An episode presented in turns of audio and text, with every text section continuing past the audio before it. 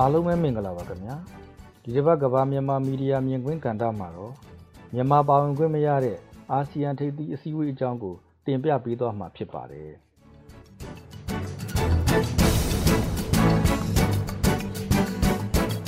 ကျွန်တော်ကတော့ပြည်သူနိုင်ပါအာဆီယံ -1 လို့ဒေတာတွင်းမီဒီယာတချို့ကခေါင်းစဉ်ပေးပါတယ်အင်ဒိုနီးရှားနိုင်ငံဂျကာတာအခြေစိုက်အာဆီယံ Today TV ကတော့ အာဆီယံ Summit Minus မြန်မာလို့ အမည်ပေးတင်ဆက်ပါတယ်။ဘာကြောင့်ဒီလိုအမည်ပေးကြတာလဲဆိုတော့2021ခုနှစ်အောက်တိုဘာလ26ရက်နေ့ကနေ28ရက်နေ့အထိပြုလုပ်ခဲ့တဲ့38ကြိမ်နဲ့39ကြိမ်မြောက်အာဆီယံထိပ်သီးစည်းဝေးကြီးမှာမြန်မာနိုင်ငံကိုတက်ရောက်ခွင့်မပေးဘဲအာဆီယံထိပ်သီးစည်းဝေးကြီးကျင်းပခဲ့ကြလို့ပဲဖြစ်ပါတယ်။ဒီထိပ်သီးစည်းဝေးကြီးမှာမြန်မာမပါဝင်ပေမဲ့မြန်မာနိုင်ငံအကြောင်းဟာအစည်းအဝေးကြီးရဲ့အဓိကအကြောင်းအရာဖြစ် ထည့်သွင်းဆွေးနွေးခဲ့ကြပါတယ်။ဘာကြောင့်လဲဆိုတော့မြန်မာစစ်တပ်ရဲ့အာဏာသိမ်းမှုအကျိုးဆက်ကြောင့်ပါပဲ။2021ခုနှစ်ဖေဖော်ဝါရီလ1ရက်နေ့မှာစစ်တပ်ဟာပြည်သူလူထုကရွေးကောက်တင်မြှောက်ထားတဲ့ NLD ဥဆောင်တဲ့အယက်သားအစိုးရထံကနိုင်ငံတော်အာဏာကိုသိမ်းယူခဲ့ပါတယ်။ဒီလိုအာဏာသိမ်းလိုက်တာကိုလက်မခံနိုင်ကြတဲ့ပြည်သူတွေက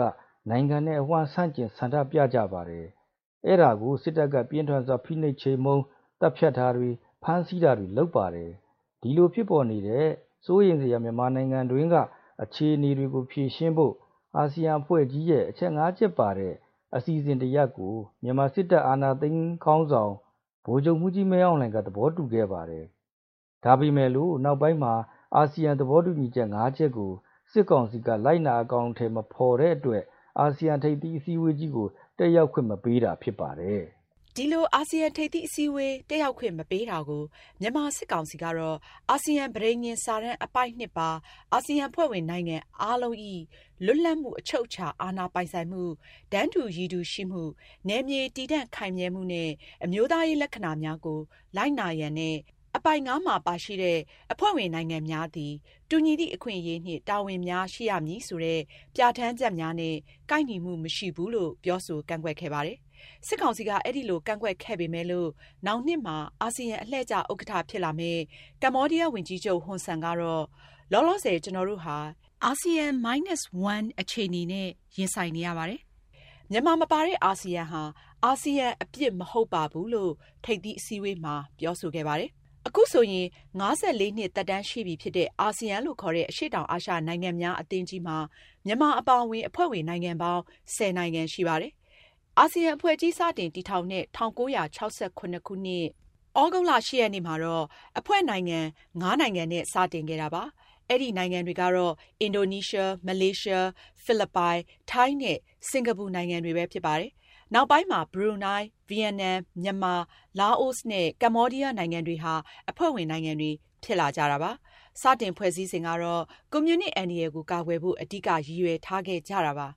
ဒါပေမဲ့စစ်အေးကာလ ပြီးဆုံးသွားပြီးတဲ့ နောက်ပိုင်းကာလတွေမှာတော့ ဒေသတွင်း လူမှုရေး၊စီးပွားရေး ယဉ်ကျေးမှုတွေ ပူးပေါင်းဆောင်ရွက်ဖို့၊ဒေသတွင်း တည်ငြိမ်မှုနဲ့ ဖွံ့ဖြိုးမှု ရရှိစေဖို့ နိုင်ငံတကာ အဖွဲ့အစည်းတွေနဲ့ ပူးပေါင်းဆောင်ရွက်ဖို့ ရည်ရွယ်ချက်တွေ ထားရှိခဲ့ပါတယ်။အခြေခံမူတွေထဲမှာလည်း နိုင်ငံတစ်နိုင်ငံရဲ့ ပြည်တွင်းရေးကို အခြားနိုင်ငံတစ်ခုက ဝင်ရောက်စွက်ဖက်ခြင်း မပြုရန် ဆိုတဲ့ အချက်တစ်ချက် ပါဝင်ပါတယ် ဒါကြောင့်လည်း အာဆီယံနိုင်ငံတွေဟာ တစ်နိုင်ငံရဲ့ အရေးကိစ္စတွေမှာ တစ်နိုင်ငံက ဝင်ရောက်ပြောဆိုလေ့ စွက်ဖက်လေ့ မရှိကြပါဘူး။ဆုံးဖြတ်ချက်တွေ ချတဲ့အခါမှာလည်း အားလုံးသဘောတူညီတဲ့ consensus အနေနဲ့သာ ချမှတ်လေ့ရှိပါတယ်။ဒါပေမဲ့ မကြာခင်က ဘရူနိုင်းနိုင်ငံက ဦးဆောင်ပြုလုပ်ခဲ့တဲ့ အာဆီယံ Summit မှာတော့ မြန်မာနိုင်ငံကို တက်ရောက်ခွင့်မပေးတဲ့ အရေးယူမှုမျိုး ပြုလုပ်ခဲ့တာကို ထူးခြားစွာ တွေ့ရပါတယ်။အဲဒီအခြေအနေကို ဘန်ကောက်ပို့စ်သတင်းစာကြီးရဲ့သဘောထားအမြင်ကဏ္ဍမှာ အာဆီယံအဖွဲ့ကြီး ၉ နိုင်ငံပဲ ဖြစ်သွားရင် ဘယ်လိုဖြစ်မလဲဆိုတဲ့ ခေါင်းစဉ်နဲ့ ချူလာလောင်ကွန်တက္ကသိုလ်ရဲ့ ပါမောက္ခတဦးဖြစ်တဲ့ သီတီနန် ပေါင်ဆူဒီရက်ရဲ့အမြင်ကို အောက်တိုဘာလ ၂၉ ရက်နေ့မှာ ဖော်ပြခဲ့ပါတယ်။ပါမောက္ခ သီတီနန် ပေါင်ဆူဒီရက်က အာဆီယံအနေနဲ့ အရင်လိုပဲ ကြားနေရေး၊ဝင်ရောက်မစွက်ဖက်ရေးဆိုတဲ့ အလုပ်မဖြစ် လက်တွေ့မကျတဲ့ လမ်းဟောင်းကို လိုက်မလား၊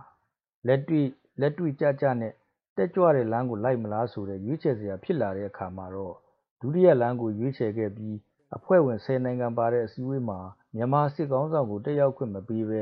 ချန်လှပ်ထားခဲ့ပါတယ်။ဒီလိုရဲရင့်တဲ့လုပ်ဆောင်ချက်ဟာ ဒေသတွင်းငြိမ်းချမ်းရေးနဲ့ တည်ငြိမ်ရေးအတွက်လည်း အရေးပါလှပါတယ်လို့ ရေးသားထားပါတယ်။အဲဒီလိုပါပဲ အမေရိကန်ပြည်ထောင်စု ဝါရှင်တန်ဒီစီမှာရှိတဲ့ Woodrow Wilson Center က သုတေသီ ဦးရဲမျိုးဟိန်းကို အာဆီယံအဖွဲ့ကြီးရဲ့ အနေအထား ဘယ်လို ရှိသလဲ၊အခုလို မြန်မာစစ်ခေါင်းဆောင်ကို ထိပ်သီးအစည်းအဝေး ပေးမတက်တာဟာ အာဆီယံအဖွဲ့ကြီးအတွက် အချိုးအကွေ့လားလို့ မေးကြည့်တော့ အခုလက်ရှိ ပထဝီ မဟာဗျူဟာ အနေထားရဆိုရင် အာဆီယံရဲ့ တည်ရှိမှု ကတော်လေးအရေးပါလာတာကိုတွေ့ရတယ်။တရုတ်နဲ့အမေရိကန်ရဲ့ပြိုင်ဆိုင်မှုပိုပြင်းထန်လာတဲ့နောက်ပိုင်းမှာအာဆီယံရဲ့ဖြစ်တည်ရှိမှုကအတော်လေးအရေးကြီးလာတယ်။အရေးကြီးလာတဲ့နဲ့အမျှအာဆီယံခေါင်းဆောင်တွေအာဆီယံကိုဂုဏ်သိက္ခာရှိတဲ့အဖွဲ့အစည်းတရက်အနေနဲ့ကျွန်တော်တို့ဟိုဟိုရက်တည်နိုင်မှုပေါ့အဲ့ဒါမျိုးတွေမျှော်ရည်ချက်တွေစူးစမ်းလာတာတွေလည်းတွေ့လာရတယ်။သူတို့ဒေသတွင်းမှာမြန်မာပြဿနာဖြစ်လာတဲ့အခါမှာအာဆီယံခေါင်းဆောင်တွေကဒီမြန်မာပြဿနာကိုဘယ်လိုဖြေရှင်းကြမလဲဆိုတဲ့ကိစ္စကိုစဉ်းစားတယ်ဆွေးနွေးကြတယ်။အဲ့ကမှတစ်စိမ့်ဒီ five point consensus လို့ခေါ်တဲ့အချက်၅ချက်ပါတဲ့သဘောတူညီချက်ဖြစ်လာတယ်ပေါ့။အဲ့သဘောတူညီချက်ကိုအကောင့်ထဲပေါ်ပြီးဖို့အတွက်မြန်မာပြည်နိုင်ငံကပြက်ကွက်တယ်။အရင်လိုပဲဗာတိလိုက်ဗာတိပါတာနေမယ်ဆိုရင်အာဆီယံရဲ့ဂုဏ်သိက္ခာဟိုထိခိုက်မှာကိုတချို့နိုင်ငံတွေကစိုးရိမ်ကြတဲ့အခါမှာတော့ဒီကိစ္စကိုထိထိရရောက်ကင်တွယ်ဖို့ဆိုတဲ့အဆင့်ကိုရောက်လာတယ်လို့ကျွန်တော်တို့အဲ့လိုမြင်ပါတယ်။အာဆီယံရဲ့ဆုံးဖြတ်ချက်ပြောင်းသွားပြီလို့တော့ပြောဖို့တော့တော်လေးခက်ပါသေးတယ်။ဟုတ်ပါတယ်။ အခုဖြစ်ရအာဆီယံဖွဲ့ကြီးအတွက် အချိုးအကွေ့တစ်ခု ဟုတ်မဟုတ်ဆိုတာတော့ ပြောဖို့စောနေပါသေးတယ်။ဒါပေမဲ့ ဒါဟာ ထူးခြားတဲ့ဖြစ်ရပ်တစ်ခုဆိုတာတော့သိကြပါတယ်။ဘယ်လိုပဲဖြစ်ဖြစ် အာဆီယံအဖွဲ့ကြီးရဲ့ ဆောင်ပုဒ်ဖြစ်တဲ့ One Vision, One Identity, One Community လို့ဆိုတဲ့တခုတည်းသောတူယူချက်တခုတည်းသော သရုပ်လက္ခဏာတခုတည်းသော အသိုက်အမြုံဆီကို အရောက်ချီတက်ကြတဲ့အခါ အခု မြန်မာနိုင်ငံကိစ္စဟာ အာဆီယံအဖွဲ့ကြီးအတွက် စမ်းသပ်မှုတစ်ခုဆိုတာတော့ သေချာလှကြောင်းပါမယ်